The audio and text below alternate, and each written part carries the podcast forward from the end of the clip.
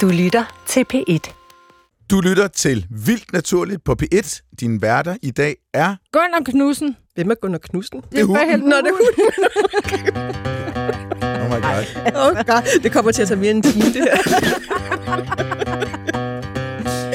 Okay, vi tager den bare derfra. Johan Olsen. Og Vicky Knudsen. Når du hører ordet Ramazzotti, hvad tænker du så? Det er noget med noget opera eller sådan noget, er det ikke det? Nej, det er en italiensk Ja. popstjerne. Men Ramazottius Vionatus, det er øh, noget, der lever i din tagrende. Okay. Det er en art af bjørndyr. Okay. Så kan det jo være, at lytteren, hvis man ikke lige ved, hvad et bjørndyr er, tænker, det lyder som noget meget stort. Ja, De er meget små. Men er det er små. bjørndyr, vi skal snakke om. og derfor har vi lektor Nadja Møbjerg fra Biologisk Instituts afdeling for cellebiologi og fysiologi på Københavns Universitet på besøg i dag. Tusind tak, fordi du kom, Nadja. Ja, selv tak. Og Nadja, du øh, forsker simpelthen i bjørnedyr. Det er rigtigt, ja. ja. Og før vi lige hører, hvad et bjørndyr overhovedet er, ved, ved du, hvorfor den er opkaldt efter Ramazzotti, den der? Jamen, men det er jo så ikke den Ramazzotti, men ah. det er Ah. faktisk sådan, at mange bjørnedyr er faktisk opkaldt efter de forskere, som arbejder i feltet. Og der er en Ramazzotti i feltet, og bjørnedyret er opkaldt af kollegaer efter, efter ham. No. Nå. Det må være den største ære. Ja. Ja, og få opkaldt bjørndyr efter sig. Ja. Har du fået det, Nadia? ja, ja, det har jeg. Nej, har du? Ja, Ej, ja. siger du det sådan helt Ja, nonchalant? ja, men det har de fleste af os jo, som har arbejdet i feltet i nogle år, eller har været i feltet i nogle år. Ja, jeg har en, der hedder Eohypsibius natje. Hvor bor den? Jamen, den er faktisk arktisk.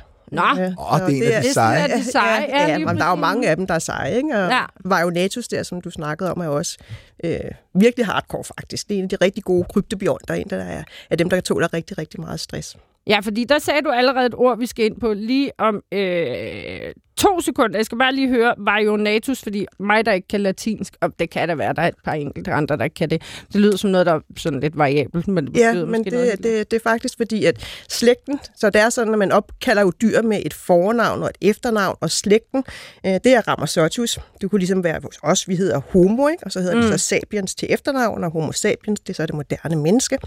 Den her art, den hedder Ramazzotius, det er slægten, der findes andre Ramazzotiuser, Ja. øhm, men arten hedder så Varionatus, og det går på faktisk, at æggene øh, er lidt variable. De har også nogle stikke javertusser, der går ud. Så derfor kender man ah. den art fra de andre Ramazzotiuser.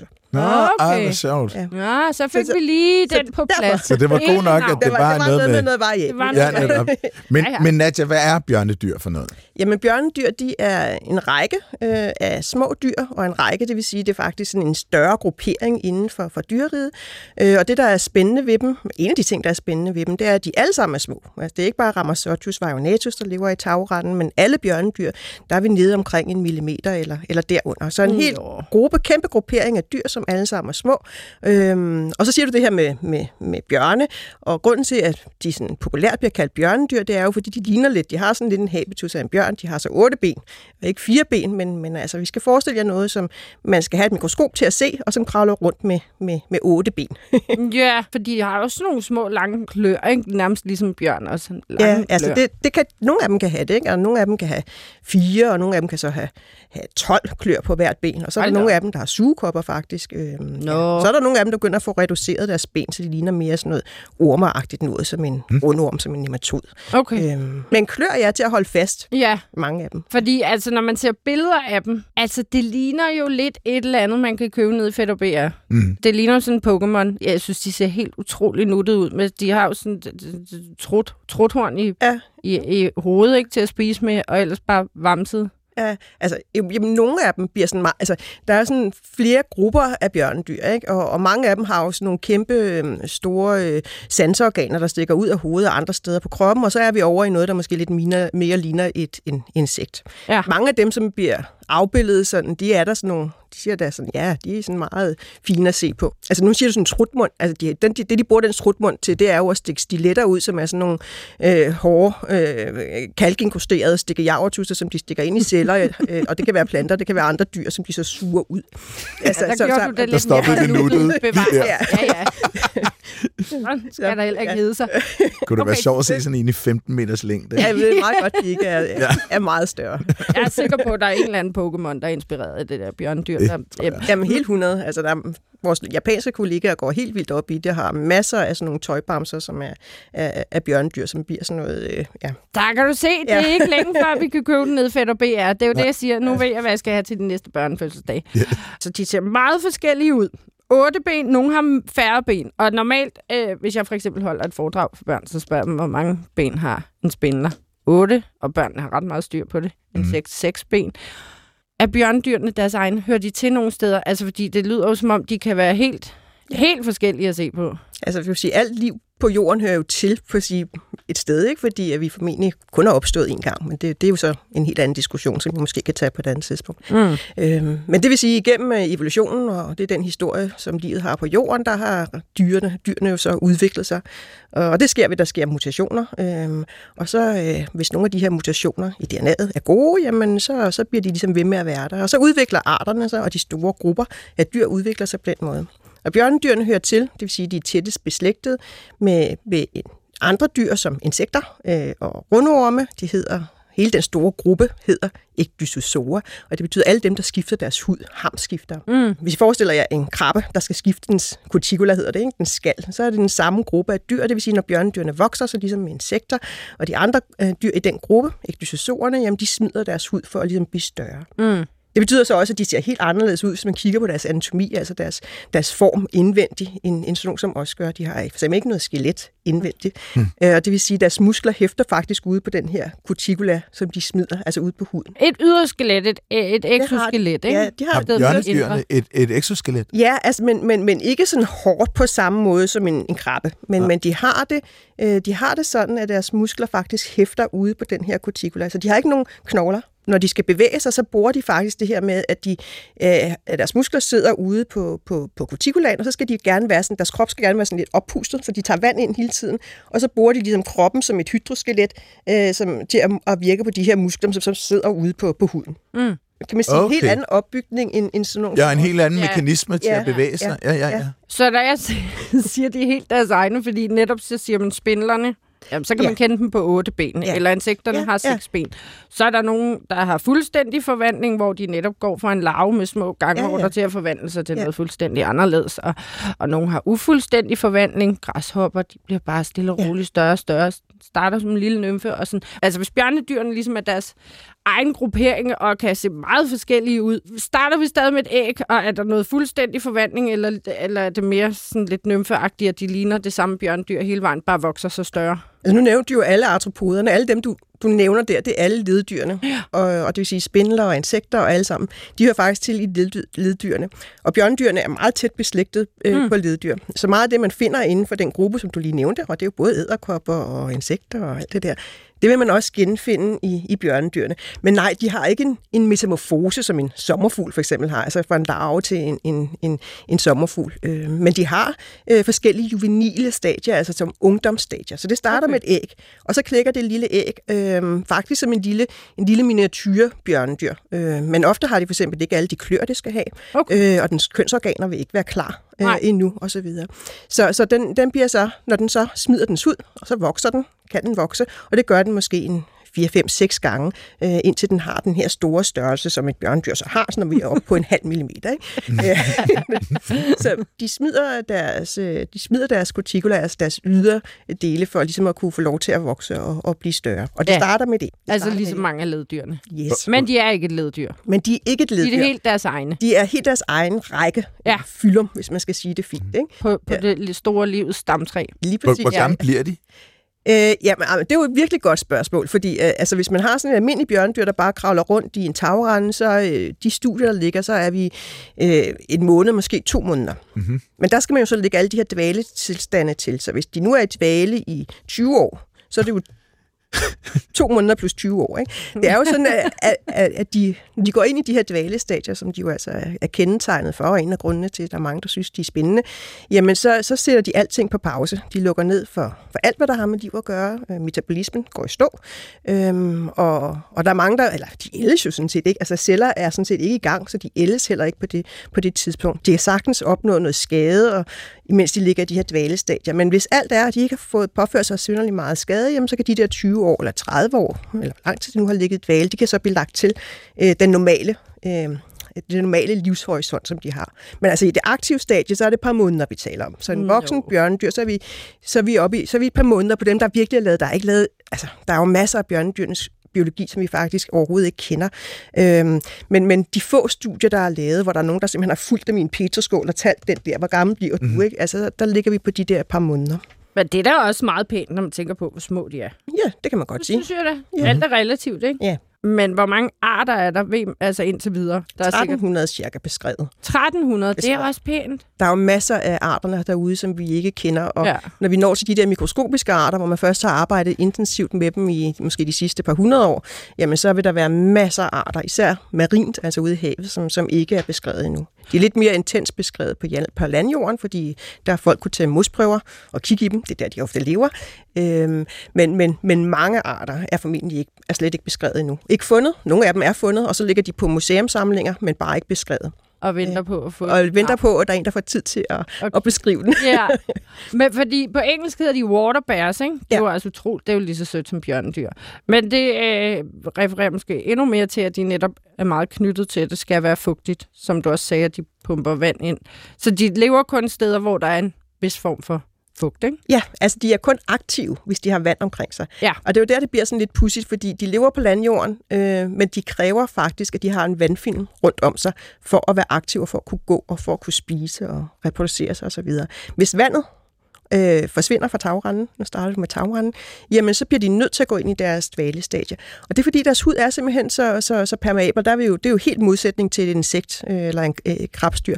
Deres hud er simpelthen så permeabel, så øh, hvis vandet for, omkring den fordamper, jamen så forsvinder det også inde, øh, inde, øh, inde i kroppen hos dem. Så de har ikke en regnjakke, ligesom vi har. De har ikke nogen regnjakker, og de har heller ikke en, et vokslag, som, som, øh, Som beskytter som dem. beskytter dem. Ja. det er næsten lidt ligesom bænkebider, ikke? De kan heller ikke tåle... Altså ikke, at de har en vandfilm, men bare, at de Ja, tør de- også ud. de tør. Jamen, de her, de tør rigtig ud. De mister simpelthen vandet inde i kroppen, og det går lynhurtigt. Altså. Øh, det er jo minutter, vi taler om. Og så, Minutter? Men- Ja, altså, en- ja, altså, nogle af dem, altså vi, har, vi har nogle enkle målinger på et marin bjørndyr, hvor vi taler om sekunder. Langt de fleste af dem, der vil det være sådan, at, at, at det kan gøres, jamen, når tagrenden tør ud, jamen, så, så, så forsvinder vandet. Og hvis man gør det på et lille filterpapir inde i laboratoriet, jamen, så kan du gøre det på 20 minutter. Og Hold da op. og der skal foregå, det, der skal foregå, det er, at de skal pakke deres celler, de skal pakke deres organer. Så de skal simpelthen bruge de her muskler, som vi nu ved, der hæfter ude på corticulaen. Det bruger de til at, at, at pakke deres organer og pakke deres celler, og så forsvinder vandet. Og så laver de noget, der hedder et tyndestadie, som er sådan, ja, det ligner en tynde, øh, og hvor de har pakket sig, og så er de sådan set klar til, at resten af vandet forsvinder fra kroppen. Så de, de, de ændrer også form. De, de gør overfladen så lille som muligt. De, gør, de, de forsøger først at gøre overfladen så lille som muligt, så fordampningen kan, sige, kan bremses lidt. Ja. Øhm, men det drejer sig i høj grad om, at de får pakket deres indre organer, for eksempel de her stiletter, som de jo bruger til at stikke hul på andre dyr. Mm. Hvis de ikke kommer til at ligge rigtigt, og, de, og når det er, de udtør, så kan de jo stikke hul på sig selv. Øh, så, Nå, så de skal ja. ligesom have pakket, øh, pakket sig, så de er klar til at de mister volumen, de mister rigtig, rigtig meget når- volumen, når vandet forsvinder øh, fra dem. Øhm, og, og, og så når de er klar til det, jamen så ligesom, når alt vandet er væk, så er de faktisk nærmest ligesom et lille sand, sandkorn. Altså det er en lille krystal simpelthen, og de tillader simpelthen, at alt vand forsvinder. Ja. Men ved man, hvor meget procentuelt de... Altså, fordi når de kun er 1 mm, så er jeg med på, at det ikke ser ud af meget, men at sådan 50 procent, de... Ja, 80 procent eller sådan noget af, af deres 80%. volumen øhm, øhm, mister de, når der er de øh, går Okay, det de er her også tynde meget. stadier. altså meget. vand, der så forsvinder. Nu tænker jeg sådan helt praktisk over sådan en celle. Dyr, altså kropsvæskerne også er fulde af proteinmolekyler. Og jeg ved jo hen fra mit arbejde, at hvis man koncentrerer proteinmolekyler til så store mængder protein, så det, så det bliver så tyk proteinsuppe, så går de i stykker typisk. Ja. De falder ud af opløsningen, og bare, Mm. hvordan fanden undgår den det? Jamen, altså, bottom line er, det ved vi ikke. Men altså, der, der er jo, jeg ved, du har sikkert læst måske, har du læst nogle af de nyeste papers, som, som øh, hvor man har fundet nogle, nogle, nogle meget bjørnedyrs, eller man har fundet nogle proteiner, som faktisk kun findes i bjørnedyr, indtil videre. Mm-hmm. Øhm, og det er en gruppe af proteiner, som er sådan nogle uordnede proteiner, og som faktisk ser ud til, at de får deres øh, struktur, når vandet egentlig forsvinder. Øhm, så det kan være en del af det. De har mange af de her uordnede proteiner, som egentlig når, får en struktur, når vandet forsvinder, så de på den måde er adapteret til det. Deres proteiner er adapteret til det. Øhm, og så er der en, en, altså en af grundene til, at proteinerne går i stykker, jo, det er jo fordi, at ionstyrken koncentrationen den, den bliver meget, meget højere, når det er, at vandet forsvinder. Øh, og så er der også forskellige proteiner, som er, er blevet foreslået til at, kunne få, til at være sådan nogle shields, som han kan gå ind og beskytte andre makromolekyler øh, imod den her øh, ophobning. Chaperoner Ja, og sådan. så, ja, så vi kan gå ind og simpelthen beskytte, og jamen også nogle af de her øh, bjørndyrs øh, specifikke proteiner har også været foreslået til at ligesom kunne lave sådan nogle shields imod den højere koncentration af ioner, som jo vil være der, når det er, øh, at vandet forsvinder. Så mængden af de her øh, ikke-foldede proteiner, ja, her kan jeg jo nævne, at det faktisk jo er ligesom er mit forskningsområde, Ja, øh, ja, ja. Øh, uordnede proteiner, ja. Som, som bare er egentlig i opløsning alene i hvert fald, opfører sig lidt ligesom kogt spaghetti i en jacuzzi. Ja. At det sådan ligger sådan set bare. Ja. Men de kan af og til øh, folde op under de rigtige, eller under visse betingelser. Mm. Og det gør de så der, Jamen, det er en, muligvis. Det er en hypotese, Ja. og, og, og jeg vil sige, at altså, hele forskningsfeltet, det ved du bedre end jeg gør med, med uordnede proteiner, det er jo også ret nyt. Og, og, og det kan jo lige så godt være, nu har man så fundet nogle uordnede proteiner hos bjørnedyrene, men, men hvem ved, ved, hvad de laver hos os? Ikke? Fordi vi har dem jo også. Ja, ja, så, jamen, så, altså, ja. ja. Så, så det kan godt være, at det egentlig ikke er en bjørnedyrs specifik ting, Nej. men nu har man lige fa- altså, der er en gruppe, der, har, der ligesom er faldet over dem hos bjørnedyrene, mm. og så prøver man så at finde ud af, hvad de så kan der. Men det kan godt være, at det ikke er unikt for dem. Ja, ja. Det er det ja. helt sikkert ikke, vel? Altså, nej. af de her uordnede proteiner. Så en ting er, hvad der foregår nede i den enkelte celle. Hvordan, hvordan undgår den enkelte celle? Fordi hver dyr, og hos børnedyrene, der er de opbygget af omkring 1000 celler, mm. som indgår, og de her celler bygger så organer, øh, og så til sidst så bygger de organsystemer, og så danner de så hele dyret. Så der er sådan ligesom flere niveauer i, hvordan får det her bjørnedyr stabiliseret sig. Ja. Øhm, og en af de hypoteser, vi har, det er, at musklerne øh, er aktinfilamenterne, myosinfilamenterne, som er, er de filamenter, som indgår, som også er proteiner, som indgår i musklerne, er rigtig, rigtig vigtige til at give den her struktur overordnet på bjørnedyret. Mm. Øh, så, så når bjørnedyret begynder at pakke dens organer, går ind i tynden, og vandet lige så langsomt forsvinder, jamen så låser de her filamenter sig. Øh, ATP'en forsvinder også, altså energikilden til, til, til alt, hvad der foregår i cellen det, det, det, og i dyret, det for, øh, forsvinder også. Og så låser dyret sig, ligesom i de her, så låser musklerne sig. Øh, Så, så det er rigor mortis sagt det? Ja, det er jo så det, som vi har foreslået i det ene paper, som du så har læst. og jeg har ikke hørt nogen skælde mig ud for det endnu, men det kan være, det kommer. Hvis ATP forsvinder, så, ikke så også? er du i den ja, situation ja, jo. Ja, det er i hvert fald hypotesen. Ikke? Så lukker, så lukker muskelfilamenterne sig så, øh, og, og skal sådan set egentlig vente på, at der kommer vand og ATP igen, før de kan give, give slip. Øh, Ja. øh, ATP, Altså- skal vi måske lige sige til lytteren, er sådan en slags energimolekyle, øh, som kroppen laver, Ja, som, For- som øh, man bruger til at... Det, så Der er ikke- flydende batteri. meget bevægelse uden ATP. Nej, tusind celler, Nadja. Og du taler om organer, og du taler om muskler og alt muligt. Jeg har br- brugt de der tusind celler i- ved tanken om en tarm. ja, mange gange. Ja. Din tarm. ja. Nå, ja, eller min for den sags skyld. Men hvordan kan den have, have, altså, hvordan kan du lave, konstruere en organisme kun med tusind celler, som er så kompliceret? Ja, men det, det er der også. Det er også vildt, men, øh, men, men det gør den. Og så består hver enkelt organsystem består så bare af færre celler, end det ville gøre hos os. Ikke? Jo. Øhm, og, og, og det, der egentlig er, er lidt pudsigt, det er jo, at altså, vi er under en millimeter, men, men bjørndyret har faktisk alle de organsystemer, som vi også har. Altså, de har lige præcis en mavetarmsystem. Øhm, og det her, nu startede vi med at snakke lidt om stiletterne, som den skyder ud af munden til at stikke hul på dens, på dens fødeemner. Men efter øh, det her stilet mundapparat, jamen, så kommer der et stort svælg, som den er sådan en muskelpumpe, som den bruger til at, at suge indholdet ud af det, den så har stukket hul på. Mm-hmm. Og så kommer den ned i en decideret tarm, som har faktisk flere afsnit, øh, ligesom man har hos os. Øh, og så ender vi op ude i noget øh, kloak, det kan der være, altså det vil sige der, hvor både hvor der kommer, det hele kommer ud, altså både fæsis og, og, og kønsprodukter. Nogle af dem har faktisk et ad, adskilt anus og kønsåbning. Og så har de jo altså gonader, altså øh, kønsorganer, de har øh, et nervesystem, de har muskler, som vi har snakket om. Der er også nogle af dem, som har sådan nogle nyrelignende øh, organer. Så alt det her, det er sådan set inde i det der lille bitte dyr på under en millimeter. Alle organsystemerne er der, og det er jo klart, de så er Kan bygget... det lade sig gøre? Jamen, det er da vildt. det er vildt. Cellerne er selvfølgelig meget, meget mindre, og så er hvert organ altså bygget af færre celler, ikke? Øh, jo. end det er, end det er Ja. hos os. Ja. Ja, crazy, at man, Ja. kan, at man Ja. overhovedet kan opbygge et... Ja. Ja. Øh, altså, jeg kan jo altid stå og kigge på... Det kan jeg også huske, jeg gjorde som barn, at stå og kigge på en flue, og, og tænkte på, at derinde, der er så en form for en hjerne, og der er tarm og alt muligt. Det er helt ufatteligt. Altså, jeg kunne Ja. ikke forstå, hvordan man kunne pakke noget, der var så ind, i sådan en lille bitte Ja. dims. Ja. Det er endnu vildere med et bjørnedyr. Ja. Tusind celler. Ja. Er der så nogle af cellerne, der har altså en har en særlig form, eller er en meget store? Man kan, altså, hvis, Altså, nogle af de største celler, de har, det er så faktisk nogle af de her midttarmceller, som sidder i, i tarmen. det, Øh, det tænkte jeg også, at ja. det var muligvis Ja. der, man kunne... Ja, der- de skal jo så bruges til at absorbere føde, ligesom vores tarmceller gør. Øhm, og hvis man kigger ned på selve cellestrukturen, altså mange af cellerne er jo væsentligt mindre end, end vores, men de har de samme altså strukturer, altså det er jo en eukaryot mm. øh, organisme, det vil sige, der er en kerne, og der er alle de organeller, der skal være inde i, i cellen.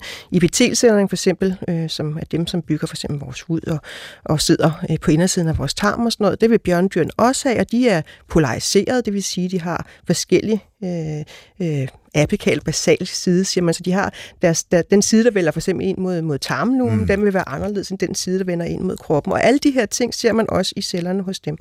Øhm, så, så alt, hvad man egentlig, altså alt, hvad man egentlig forbinder med dyr på den måde, det, det er der. Men man skal jo så bare have det her øh, med, at de ligger et andet sted i livets træ. Så i forhold til os, som er vivuldyr, altså øh, vertebrater, der er de, ser de meget anderledes ud. Mm. Øhm, og det vil sige, at man med den struktur, som de har, øh, og sådan som jordens atmosfære ser ud nu her, der vil man aldrig nogensinde kunne få de her kæmpe former, som for eksempel valer, som I har snakket om. Det vil man ikke kunne få inde i den her gruppe øh, af dyr, fordi deres anatomi, altså deres opbygning, og på den måde også deres fysiologi, hvordan de fungerer, er helt anderledes end, end Ja. ja. er, er i den gruppe af dyr, som vi hører til, ikke? som hedder herovid. Så vi får ikke en 10 meter lang, et 10 meter langt bjørnedyr. Nej, det vil jeg mene, at... Med gigantstiletter. Ej, Det er lidt nej, nej, ærgerligt. Det er godt. det vil jeg mene. I hvert fald ikke som, som, som tingene ser ud nu. Nej, det kan, være, men det kan Ej. være om 4 millioner år. Ja, ja, ja. Det kan være, at bjørnedyrene en dag sidder og snakker om, jamen det var jo da, det, efter den store pattedyrs uddøen, den sjette... der blev det jo øh, så bjørnedyrenes tidsalder. De har overtaget alle habitaterne i havene og i Så render de skoven. rundt Og, sammen med ja. ringduen og sølvfisken, Ja. ja. og kommer til at overleve os alle sammen og hygge. Hvornår opstod øh, den, øh, den... Altså rækken, Rækken, øh, ja, altså den, øh, man taler om det, der hedder den kambriske eksplosion, ikke, som var Mhm. den 500 millioner år siden, og der var den der i hvert fald, regner man med. Ikke? Så det er en af de store grupper, en af de store rækker, som formentlig har været der i, mange, mange hundrede millioner år. Øh, og så er det også derfor, der er den her diversitet forskel inden for gruppen, fordi de, hver af de store hovedgrupper, der er to, ligesom to, to store hovedgrupper af, af bjørnedyr, som nok har, har skilt sig ad for, for nogle hundrede millioner år siden. Mm-hmm. Øhm, og der kan man så se, der har de udviklet sig lidt forskelligt. Og de her bamselignende-agtige nogen, som, som du snakkede om, Vicky, det er dem, der hører til op på landjorden, hvor dem, der er sådan nede i havet, de ser meget mere sådan øh, alien ud med store øh, ja. sanse stikkejaver, der, er sådan noget, der går ud af, af, af deres hoved og andre steder på kroppen. Det er en gammel række, en gammel gruppe, øh, og de har formentlig altid været, været små, men altså med, med, med en længere historie på jorden, hvor de har, har kunne udvikle alle de her forskellige arter i to store hovedudviklingslinjer. Man kalder dem øvtardigrader og heterotardigrader, og heterotardigraderne, det er dem, som har en masse sansebørster og sådan noget, som sidder udvendigt. Det er jo måske lige vigtigt lige at sige, hvis man skal søge hen på nettet og prøve at finde billeder af de her, så er Tardigrad. tardigrad, det Ja. tardigrad. T-A-R-D-I-G-R-A-D. Så får man alle de engelske med. Ja, ja, det er en god idé. Ja, ja, men de må da også kunne være endnu ældre end den kambriske eksplosion. Altså, jeg tænker bare, den kambriske eksplosion, ja, så siger man måske 500 eller 543 millioner år siden, men der er jo også meget tvivl om, om der egentlig var, var en, en, en kæmpe eksplosion af liv før det, fordi at vi bare ikke kan finde Vi altså beviserne. Ah, Og jeg tænker lige sådan noget som bjørnedyr, der ja, bevares har bitte, bitte små exoskeletter, men i måske ikke i forhold til en trilobit, at de godt kan have eksisteret et par hundrede millioner eller endnu længere, uden vi ved det. Ja, altså det det, det, det, ved vi ikke, og hvis vi skal holde os til, hvad der er fossile data, og, og, og lidt af, hvordan mutationsrækkerne har været, mutationsraterne har været inden for dyrene, så er vi nok tilbage, altså på baggrund af, hvordan de har udviklet sig, i hvert fald tilbage før Ja. øh, den kambriske eksplosion. Men der findes ikke nogen fossiler rigtigt til at kunne, kunne bakke det op, øh, og, det, og det vil det jo så kræve.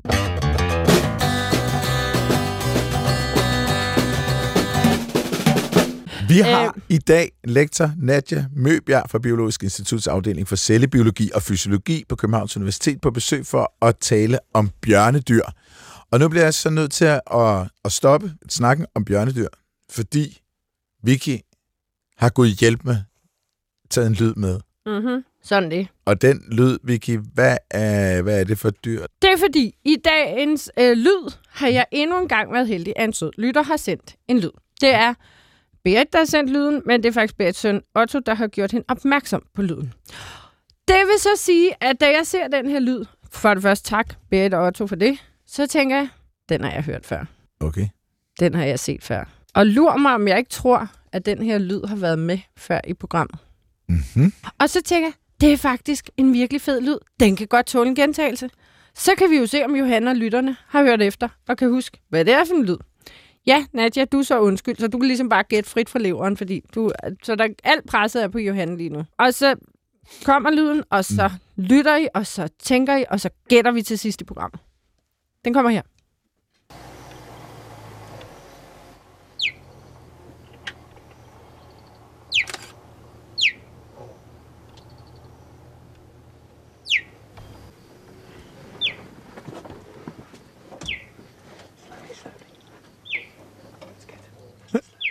Så meget koncentreret. Jeg kunne høre en homo sapiens, der viskede til sidst. Ja, den hørte jeg også meget tydeligt. Ja. Det får I ikke point for. Den anden lød sådan rimelig standard fuglagtigt, synes jeg, men altså... Ej, skal vi, det, vi tykker lige på den til slutningen. Rimelig standard fuglagtigt. Også. Der er ikke nogen fugl, der lyder rimelig standard. Det kan jeg godt fortælle dig, Johan Olsen. Det, der, det kan du godt pakke sammen igen. Undskyld, uh, jeg glemte mig og alle mine i- proteiner. Du skal som så ikke komme her og svine fuglene til og sige, at de bare lyder standardagtige. Det kan jeg godt fortælle dig. Ja, altså, jeg kan sige så meget, det var ikke bjørnedyr. Nej, Sådan, det er godt. Så har vi udelukket altså 1300 arter. Nå, det er okay. Godt så.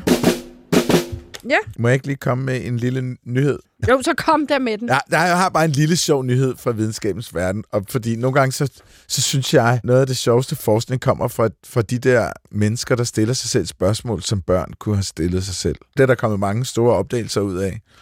Og det her er måske ikke en af dem, men jeg synes stadigvæk, den er ret sød. Der var øh, en fyr, der hedder Michael Kreslowski fra Kaliforniens Universitet i Santa Cruz, der stillede sig selv følgende spørgsmål. Hvorfor er der ikke særlig mange store sten på Merkur? Det har jeg også tit tænkt over. Præcis, ikke også? Mm-hmm. Mellem 2011 og 15 så tog NASA's Messenger en masse billeder i, øh, i hvad hedder sådan noget, orbit omkring planeten. Og Kreslowski, han analyserede 3.000 af de bedste billeder, og kun på 14 af dem kunne han se en sten på over 5 meter i diameter. Det var ikke særlig mange. Så synes han, Merkur og månen, dem kan man godt sammenligne. Så tog han 3.000 billeder af månen, som er taget af månen. De er så taget i langt bedre opløsning. Så kørte han dem igennem en algoritme, så de kom til at se lige så povre ud som dem fra Merkur. Og så kiggede han efter sten på de slørede månebilleder. Og så fandt han, at der var 30 gange så mange store sten på månen, klippestykker på månen, som der er på Merkur. Over 5 meter. Ja. But why? Så er det lige nu, at hypotesen går på, at måske har Merkur et kæmpe... Man ved, der er ret meget støv på Merkur. Og det er måske lidt af en pude, når der kommer meteorer. Det er sådan nogle store isklumper, der kommer ud fra universet og lander ned i. Så kan det være, at den der pude gør, at der ikke bliver slået sådan nogle store klippestykker af Merkur. Ah, Det er den ene forklaring, En det er den ene hypotese. Den støddæmper. Det kan også være, at Merkur den er jo temmelig tæt på solen og oplever ekstremt store temperaturforskelle. Og at det, de der meget store temperaturforskelle simpelthen bare, som millioner af år går, så kn- knuser de der øh, sådan større klippestykker, bliver til mindre klippestykker og støv. nå. Nu er det så så heldigt for Kreslowski, at i 2025, så kommer NASA's Bepi Colombo rumfartøj til Merkur. Og så kan det være, at vi finder ud af, hvorfor der ikke er nogen store sten på Merkur. det var dagens videnskabsnyhed. Tak for den. Da, lidt at tænke over. Men jeg synes, jeg, jeg er et eller andet. Eller komme med nye hypoteser. Ja, ja, ja. Men Måske har Merkur et usynligt skjold, så der aldrig nogensinde er meteornedslag. det kan også godt være, ja. Det kunne meget vel være, at det faktisk er en eller anden form for en UFO med et kæmpestort sådan et, øh, ved, sådan et shield, man ser fra Mm. rumfilm rundt omkring. Det er nok forklaringen. Det vil jeg også tro. Du er en idiot, når du kigger på mig og lader som om, at det var en god forklaring, jeg kom med, så bare gør grin med mig samtidig.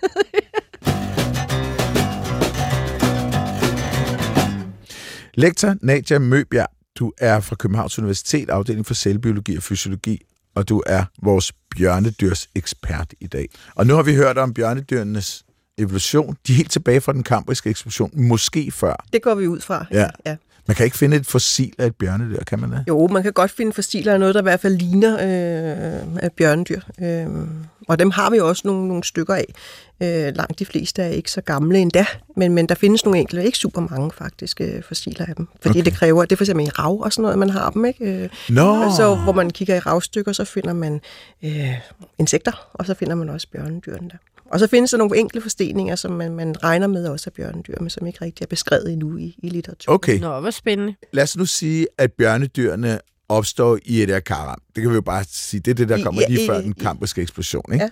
Hvis du siger, at det er sket, det er er måske lidt vidt løftigt. Hvor mange masseuddøner vil de så have overlevet? Nå, det er det, vi er ude i her.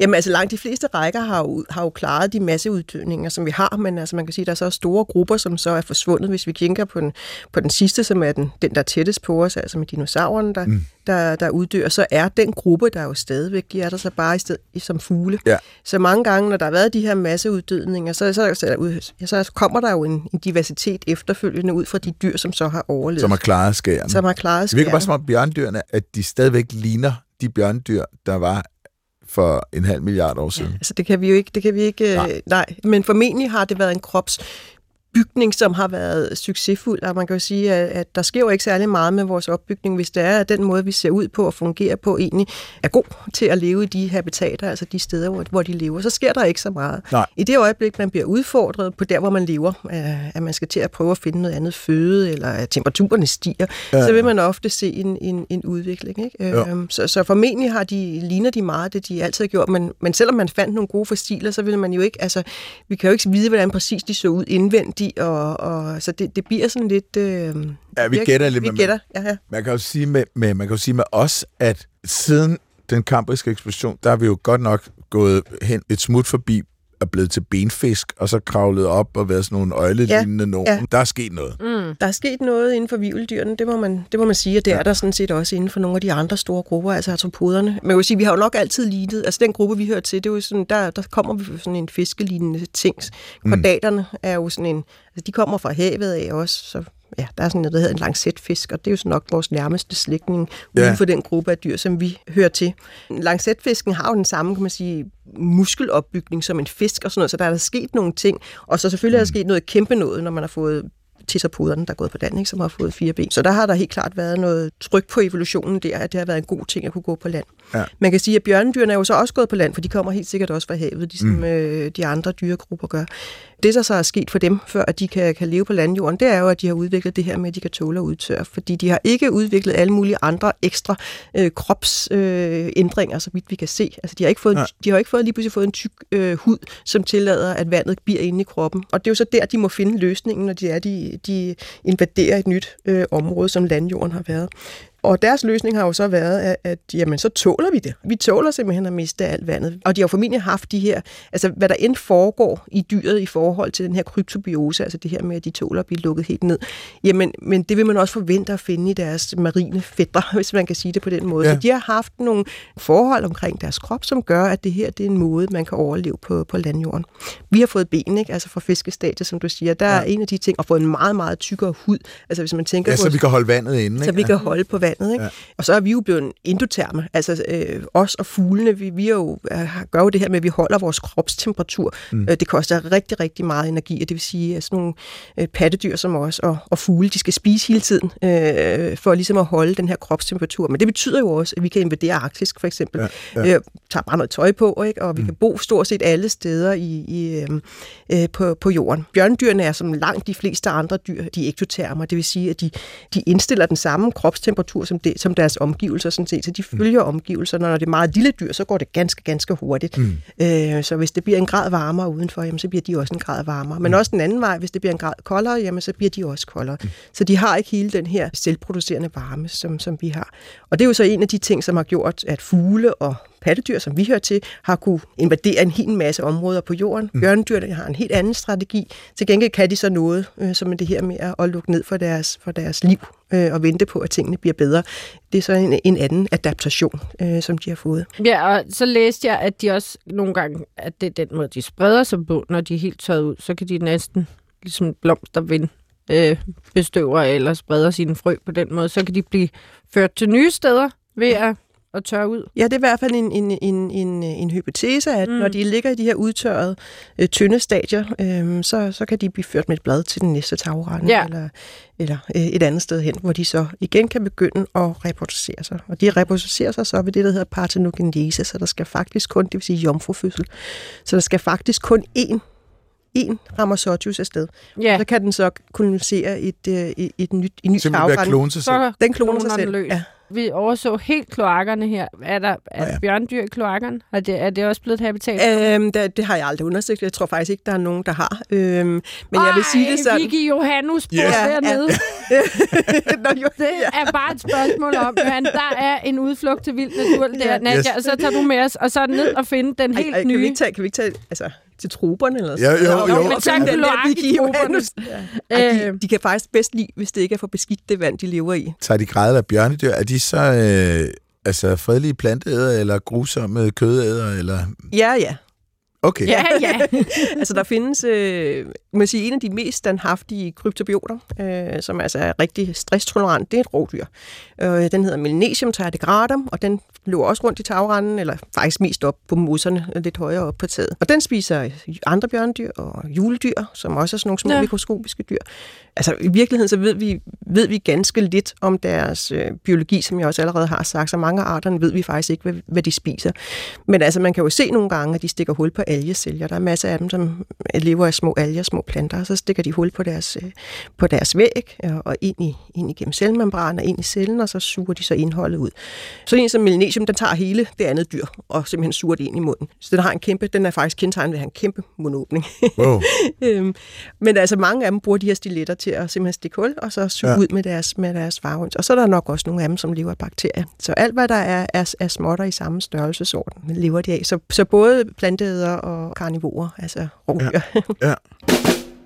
Altså nogle gange så blander de gener. Okay. Især udbredt hos de her arter, som lever i udsatte steder, hvis man kan sige det, altså i, i ekstreme habitater. Der vil man finde mange af dem, der er partogenetiske. Men man har en idé om, der er nogle af arterne, som måske er rent øh, partogenetiske, øh, men mange af dem, der ved man, der dukker der hanner op øh, en gang imellem. Og, Og så det er alle hunder, de der for, forvandler sig til hanner. Nej, det er formentlig æg, som så udvikler sig til, til en han. Og alle de marine arter, altså alle dem, som lever i havet, de, er, altså, de har to køn. Så der er både hanner og hunder, og ofte mm. en, en forskel for kønnene, altså i hvordan de, de ser ud. Hvor det er meget tydeligt, her er der en lille han, og her er der en lille hund. Men ofte er det sådan, når vi tæller dem, så er der lidt flere hunder, øh, trods alt også i, i, i de marine, men altså, det kan også være nogle gange et tilfælde. Nogle gange er ofte hannerne lidt mindre end, end hunderne hos, Ja. hos bjørnedyrene, når, de, når der findes to. Det er også lidt sjovt. Det må, ja, være, det altså- må være, fordi de har forskellige biologi, fordi de kan jo ikke se hinanden. Nogle af dem har øjne, men ikke øjne på den måde, vi har. Så, så der er nogle af arterne, Ramazotius har for eksempel ikke. Den har ikke nogen øjne. Nej. Men der er, det nogle, skal den heller ikke bruge. der er nogle af dem, der har. Men det er nogle Ja. meget simple øjne, der ligger inde i, i, hjernen faktisk. Nå, Øhm, men altså, alle de marine har jo kæmpe, kæmpe sanseorganer, og der, hvor de begynder at se forskellige ud mellem han og hund, og så er det ofte sådan noget af de her siger, som de hedder, de hedder siger og, og klava, det der Mhm. mm-hmm. stikker ud af dem, at der er de større hos hannerne. Så de har simpelthen nogle lidt længere sanseorganer, som de, øh, end, end hunderne har i forhold til deres kropsstørrelse. Men begge, begge køn har dem øh, hos, hos de her marine arter. Øh, rigtig mange af dem faktisk. Øh, på, på alle deres segmenter har de sådan nogle, der stikker ud. og de har en hjerne. Fik De har- ja. lige... De har, de har en hjerne, ja ja, de har en hjerne, altså ligesom en insekt har en hjerne, ligesom græshopper har en hjerne. Og, Jamen, de var jo flue. deres helt egne, så er Ja, lige vigtigt ja, nej, vide, om de men- har hjerne, og det at har de de, de har en hjerne, men der er, altså, og hvis vi endelig skal snakke lidt om det der øh, hjernen og nervesystemet, så er det, vi har jo en ryggrad, og der ligger vores, vores nerve, der ligger inde i, og inde i vores, inde i vores vivler heroppe på rygsiden. Ikke? Mm. Øh, hos, hos bjørnedyrene og hos alle insekterne, der ligger den der streng, den ligger nede på maven. Ja. Så der, på den måde at de, kan man også se, at de hører til i, i et andet sted. Ja. Men noget, de ikke har, som vi har, det er et hjerte og et blodkarsystem. Mm. Øh, det har de ikke. Så der er ikke noget med, med, med et hjerte, der pumper blod rundt, Nej. og de har heller ikke noget blodkarsystem. Nej. Men når man er så lille, så diffunderer, kan ilten vel også mere eller mindre bare diffundere ind, ikke Ja. også? Så man kan sige, ja, hvor, hvorfor have et, et... Altså, fordi det vores, vores blodkarsystem, det er jo lige præcis, det gør, det er at sikre, at gasserne kan komme rundt i kroppen. Ja. I den, den ene vej ud til cellerne, og koldioxiden den anden vej, så vi kan komme af med det. Og også med næringsstoffer og sådan noget, kan komme rundt til, til alle cellerne. Og når man er så lille, så er diffusion, altså øh, molekylernes bevægelse, det er fint nok i forhold til, går vi ud fra, i forhold til, at, at ilten kan komme ind til, til alle cellerne i, i kroppen. Hvor tolerante er de over for meget altså iltfattige øh, områder? Traditionelt så har det her kryptobiose, altså det her latente liv, øh, været opdelt i nogle forskellige kategorier, alt efter hvad der er, der har induceret tilstanden. Øhm, og vi har talt en hel masse om udtørring, men det er faktisk ikke det eneste, som kan inducere den her øh, latente liv, øh, livstilstand. Øhm, det kan frysning også. Mm-hmm. Øh, så hvis du begynder at fryse de bjørnedyr, der ellers er tolerant over for det, jamen, så kan du fryse det i en flydende nitrogen. Og hold nu kæft, mand. Flydende nitrogen, det er ja. så minus 100... 100, 196. Minus 196. Forholdsvis øh, koldt i hvert fald. Ja. Det er ja. meget, meget koldt. Ja. Så der er nogle forskellige kategorier, og frysning i, det er altså noget, man hedder, der hedder kryobiose. Det vi har snakket om hele tiden, det hedder anhydrobiose, at de tåler at miste vandet.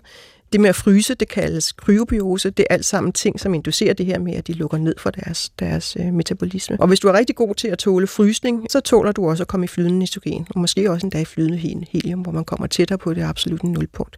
Så man først, har, man først kan det her som bjørnedyr. Taler vi om, at der sådan set ikke er en nedre latal grænse for, for hvor meget du egentlig så tåler af den ekstrem. Så vi ved, at de kan tåle at fryse. Øh, vi har også med Ramazotti, så har vi nogle ting, som en paper, som vi faktisk lige skal til at submitte nu her. Uh, så det er ikke, det er ikke publiceret endnu, men der ved vi for eksempel, at den kan nemlig tåle det her flydende nitrogen, men, men den skal lige øh, i en tur i minus 80 grader fryseren først, for den skal lige tilpasse. Det må ikke gå alt for hurtigt, det her med vandet, der minus. Så det kommer den i minus 80 grader. Ja, og så kan, så, vi, ja, ja, så kan vi plumse ja. det ned i flydende Nej, hvor sejt. Sindssygt, mand. Så det her med at kunne tørre ind og øh, blive inaktiv, kalder du? Altså det hele hedder kryptobiose, altså det her med at kunne lukke ned for ens livsprocesser, simpelthen stoppe Det er kryptobiose. Det hedder kryptobiose, og kryptobiose bliver så underinddelt i nogle andre kategorier, alt efter hvad det er for en faktor, som, som øh, skubber dyret ind i tilstand. Om det er tørke eller kulde? Ja. Eller, og hvis det er ja. tørke, så hedder det anhydrobiose, altså mangel på vand. Mm. Øh, hvis det er frysning, så hedder det kryobiose. Så er der også noget, der hedder osmobiose, øh, og det, man skal forestille sig der, det er et dyr, som ligger i vand, som lige pludselig får proppet en hel masse ekstra salt ned omkring sig. Øh, mm. Så stiger det osmotiske tryk, der er flere partikler i vandet, øh, og det vil altså også have en tendens til at hive vand ud af det. udtørre dem. Mm. Også, ja. Men samtidig bygger der sig et kæmpe osmotisk tryk altså, øh, omkring dyret. Så, så osmobiose anser vi sådan set for at være en, en, en tilstand for sig, men nok mm. den tilstand, som, som er udviklet først, og som bagefter har givet dem mulighed for at, at gå ind i anhydrobiose, når de er mm. gået på land, fordi de allerede i havet, hvis de har levet i sådan en, en, en tidevandszone, ja, ja, ja. hvor vandet lige pludselig fordamper, så har de haft den her mekanisme allerede. Så det er en af hypoteserne for, hvordan hele kan man sige, kryptobiose egentlig er udviklet. Det er udviklet fra det her osmobiose. Det var en lang historie om osmobiose, og så den sidste kategori, som, vi har, som jeg har været meget snakket om, det er anoxobiose, altså lige præcis det med ilt, som Johan nu spurgte om for snart nogle ja. minutter siden. øhm, øhm, og det er faktisk ikke særlig eksperimentelt underbygget. Altså det, som, som, som vi sådan set ser, det er, at de faktisk, hvis de er i de aktive stadier, så er de faktisk ret påvirkelige over for fald i ilt, iltension. Øhm, okay. Så snart de er udtørret eller frosset, så er de, altså, så, så er de lige, lige ja.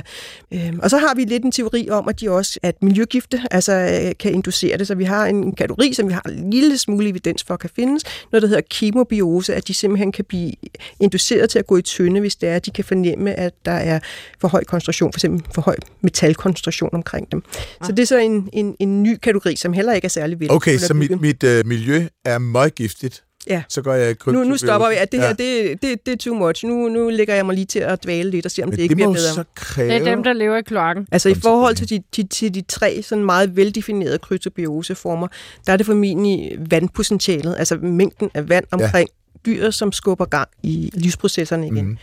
Mm. Øh, fordi når dyret fryser, øh, så forsvinder alt flydende vand jo også. Selvom mm. der måske er noget tilbage inde i dyret, når det fryser.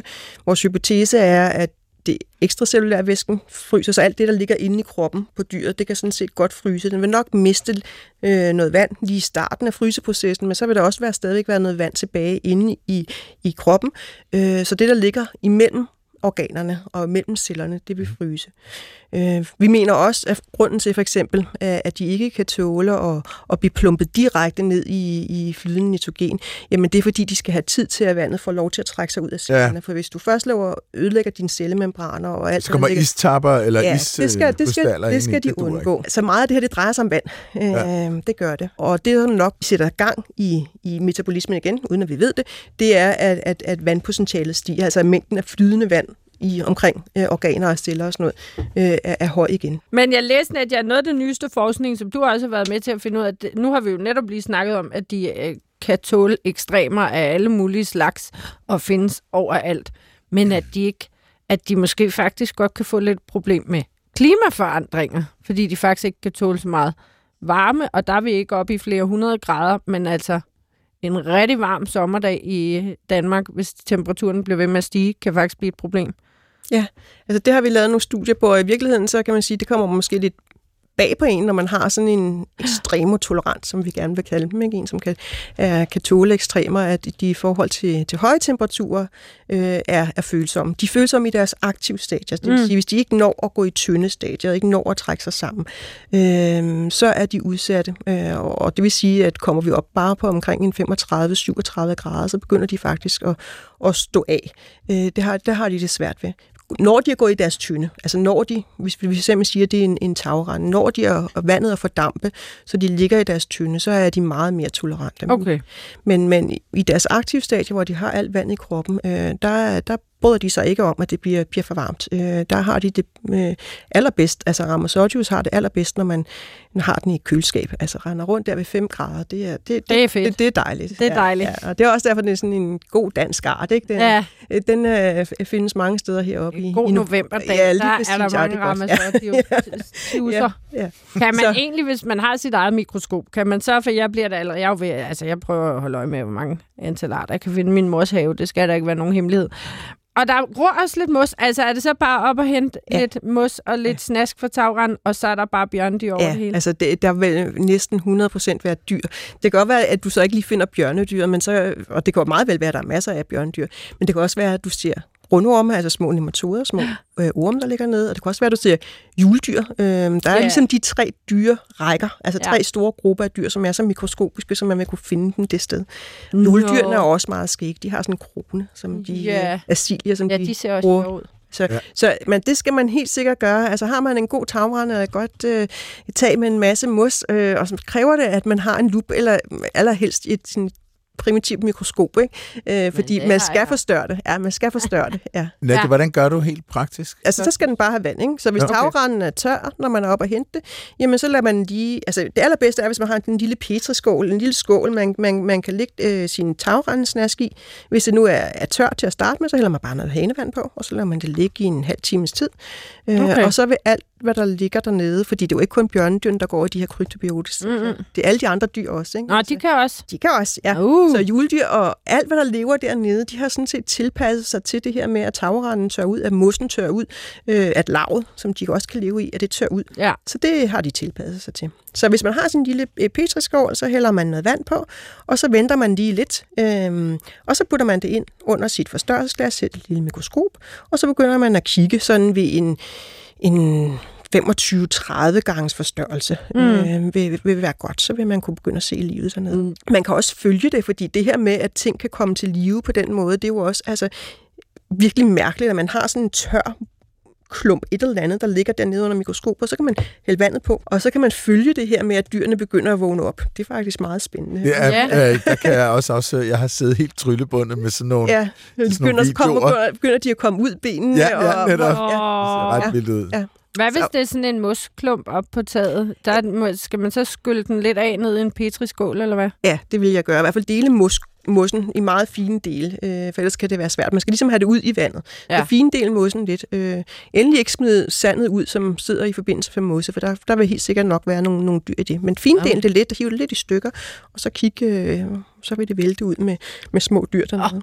Oh. Ah, så er der efterårsprojekt, der var. Ja. Er der andet sådan, altså banebrydende forskning inden for bjørndyr de seneste år? Altså man kan sige, alt hvad der har med det molekylære at gøre, nu har vi snakket lidt om de her bjørnedyrs specifikke proteiner, øh, men alt hvad der er, har med det molekylære at gøre, er jo først begyndt sådan øh, rigtigt at, at blive publiceret nu. Altså vi har først et genom, altså alle generne for, for en bjørnedyrs art, faktisk en fætter til den her, som lever i vores, øh, i vores tagrender. Mm. Øhm, og så har man det af et dyr, som hedder Hypsibius exemplaris, som er sådan en, man har i, i kulturer mange steder i verden, men som desværre ikke er særlig god til at gå i kryptobiose. Men man er begyndt at få simpelthen en fornemmelse af, hvad, hvad hvordan øh, kan man sige, alt DNA'et, alle generne, hvad deres repertoire er. Øhm, og i og med, at man begynder at få en forståelse af, hvor, hvor, hvordan deres arvemateriale er, så kan man også få en bedre forståelse af, hvad det er, der ligger til grund for, for at de kan det, de kan håber vi, mm. øh, fordi at der er stadig lang vej endnu. Mange af de proteiner, som DNA'et jo koder for i sidste ende, de er ikke beskrevet. Så der er stadig lang vej endnu øh, til at forstå, hvad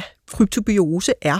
Mm. Men man kan sige, øh, altså, vi, er, vi er kommet langt også på den måde, altså bare sådan noget som mikroskoperingsteknikker, altså man kan farve for forskellige mm. elementer inde i kroppen. Altså det har jo mm. været noget, der har stået på de sidste 20 år, så forståelsen for eksempel af muskelsystemet, præcis hvordan det er bygget op, både med avanceret lysmikroskopi, men også med elektronmikroskopi, det, altså det giver en god forståelse af, hvad vi har med at gøre, hvad det er for nogle dyr. Men man kan sige, at den molekylære del, det er noget, der er kommet nu, er på vej nu, forståelsen af, hvad det er for nogle øh, molekyler, der kan være involveret, og som kan være vigtige i forhold til at, at dyret kan, kan lukke ned og, og, og vågne op igen. Jamen, jeg kan bare huske, at der var en, øh, jeg havde et kort, en kort affære med en bakterie, der hed Deinococcus radiodurans, som har sådan en helt vild overlevelses øh, superkraft, hvis den bliver udsat for meget kraftig øh, radioaktiv stråling. Man opdagede den faktisk i USA. Der var nogen, som ville prøve at se, om de kunne, øh, altså helt tilbage i 50'erne, om de kunne øh, få madvarer øh, til at vare, holde længere, hvis de gav dem en altså, virkelig hæftig, dødelig dosis øh, radioaktiv stråling. Og det virkede fint. Så da man undersøgte for, hvilke mikroorganismer der var i, så fandt man så denne her bakterie. Den jo, klarede det bare fint. Men ja. nu har vi jo haft øh, tardigrader bjørnedyr ude på, øh, op, op i rummet. Ja. og der har de jo så siddet på overfladen af ISS. Ja, altså de har været øh, fuldt eksponeret for, for kosmisk stråling og ja. for vakuum i rummet. Øhm, og, og det du vil hen til, det er, hvordan beskytter de sig så for, for stråling? Fordi det er jo kendt, yes. at de er, er meget mere standhaftige over for, for stråling, end, end vi er. Øhm, og en af de proteiner, som har været foreslået øhm, i nyere tid, det er en, der hedder en damage suppressor protein, øh, som, som, som formentlig kan sætte sig på, på, på, på DNA'et og beskytte det i noget, der hedder nukleosomer, og så kan den så sidde der og beskytte DNA'et. Fordi en af de ting, der sker, hvis det er, at vi får voldsom, øh, får voldsom bestråling, det er jo, at vores, øh, vores DNA går i stykker simpelthen. Mm. Og der sker alt for mange mutationer, øh, og, og så, når vi ikke har vores arvemateriale, så, så kan organismen ikke leve mere. Så en af hypoteserne er, at der findes nogle proteiner, som simpelthen kan gå ind og beskytte DNA'et, så det ikke bliver ramt af den her stråling. Mm. Så er der forskellige hypoteser om, om øh, pigmenter, som simpelthen kan reflektere, for eksempel sådan noget som UV-lys, som ja, ja. kan gå ind og, og ødelægge mm. øh, DNA og andre makromolekyler. Ikke? Så det er måske en del af forståelsen. En, en anden del af forståelsen for, hvorfor de kan tåle alle de her ting, fordi det er jo ikke bare bestråling, som vil ødelægge DNA'et. Altså, det vil også gå i stykker. Altså, selv hvis det bare ligger øh, i ja, alt for ja, lang tid, ja. bliver angrebet af Temmelig komplicerede molekyler, de, de er jo ikke sådan 100% stabile. Det er de ikke. Og sådan som ilt, altså, altså som jo er ja. et meget, meget aggressivt, aggressivt mm. molekyle, altså, det, og vi har en stor koncentration af ilt i vores atmosfære, det vil mm. også angribe. En anden ting kan også være, at de har et meget, meget øh, effektivt repærsystem, så, så efterfølgende, når, når de så vågner op, at der simpelthen er et system. Smutter rundt og reparerer det. Ja, der er ikke noget, der er sat to øh, streger under endnu, at sådan er det. Og jeg vil tro, at forståelsen af, kan man sige, hvorfor de kan det, de kan bjørnedyrene. Det er ikke bare et molekyle. Altså det bliver en, en, det er et større billede, der skal, der skal frem, men det er da helt klart, at, at i og med, at vi nu har en, nogle andre værktøjer, end man havde for 20-30 år siden, så, så kan man grave lidt dybere og forstå det på en anden måde, end vi har, end vi har gjort tidligere. Det er ikke en rejse, der stopper lige forløbig. Nej, øh, det er det ikke. bjørnedyrenes mystik. Jeg skal i hvert fald hjem og grave i tagrender ja. hos min mor. Du har fulgt den her rejse ret længe jo. Mm. Også fordi du har en familierelation, og det er ligesom, at du har fået uh, interesse for de her bjørnedyr fra din far, forstår jeg. Ja, det er rigtigt. Som var en stor bjørnedyr øh, pioner. Ja, jamen det er rigtigt. Altså jeg er da født lidt ind i, i feltet, hvis man, man kan sige det sådan. altså har rejst rundt alle mulige steder i verden og sammen bjørnedyr, siden jeg kan huske det. No. Okay. og alle mulige andre sjove dyr. Øh, så øh, min far, Reinhardt, det er jo ikke bare faktisk bjørnedyr, han har arbejdet med. Han er jo måske mest kendt for at have beskrevet nogle dyrerækker, øh, som også findes i den her øh, mikroskopiske verden. Så jeg har fået interessen derfra, det vil jeg da nok øh, ærligt indrømme, at det har været bragt ind med, med modermælken, hvis man kan sige det sådan. Det er en fantastisk historie.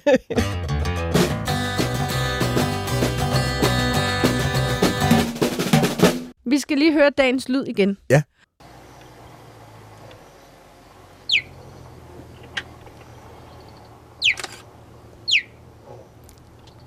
Og det er ikke bare en standardfugl, Johan.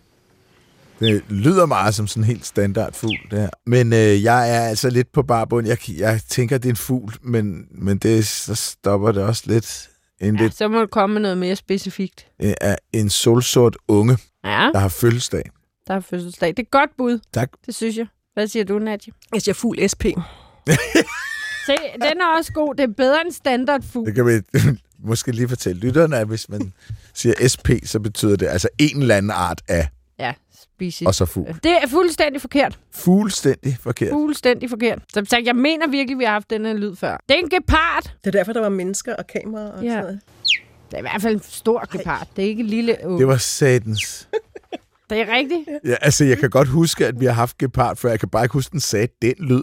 Men jeg mener, Hvorfor lyder geparden sådan det er fuldstændig da standard sådan en fugl? lille hyggekalde-lyd. Altså Gunnar sover også nogle gange og siger, "If", Nå. Og sådan siger han jo ikke til daglig. Det her er også bare sådan en hygge, Ja. socialt kald. Sådan. Ja, må, må vi så ikke sige til vores, vores forsvar her, vores os ikke fugle mennesker, at det måske nok er fordi, at den faktisk har et kald, der er meget tæt på en fugl, fordi man ikke skal opdage den der gepard, fordi den helst ikke skal angribe sig nogle af de større katte. Jeg synes, det lyder som... Det er en arbejdshypotese, jeg er med på. Ja, arbejde I videre på den. Så Det kan vi gøre, når vi skal jeg i synes mere, det kloakken lyder efter som, Bjørn. nu ka- kalder jeg lige på flokken. Nadia Møbjerg, lektor på øh, Biologisk Institut på afdelingen for cellebiologi og fysiologi, og bjørnedyrs ekspert. Og Jo. vi glæder os til, at du finder Vicky Johannus nede i kloakken. det var i hvert fald en kæmpe fornøjelse at have dig på besøg, og endelig få snakket om bjørnedyr. Tusind tak, fordi du kom, Nadja. Ja, selv tak. Vi skal sige tusind tak til Carsten Nielsen, vores voksenven. Vi skal også sige til lytterne, at vi sætter meget stor pris på indsendte lyde og ros og idéer til programmet. Hvis man vil skrive til os, så kan man gøre det på en adresse. Har du den? Ja, ej, jeg har den her. Vildt naturligt snablag Det er dr.dk. DK. Og så skal vi have kage, Vicky. Ja! Juhu! Juhu!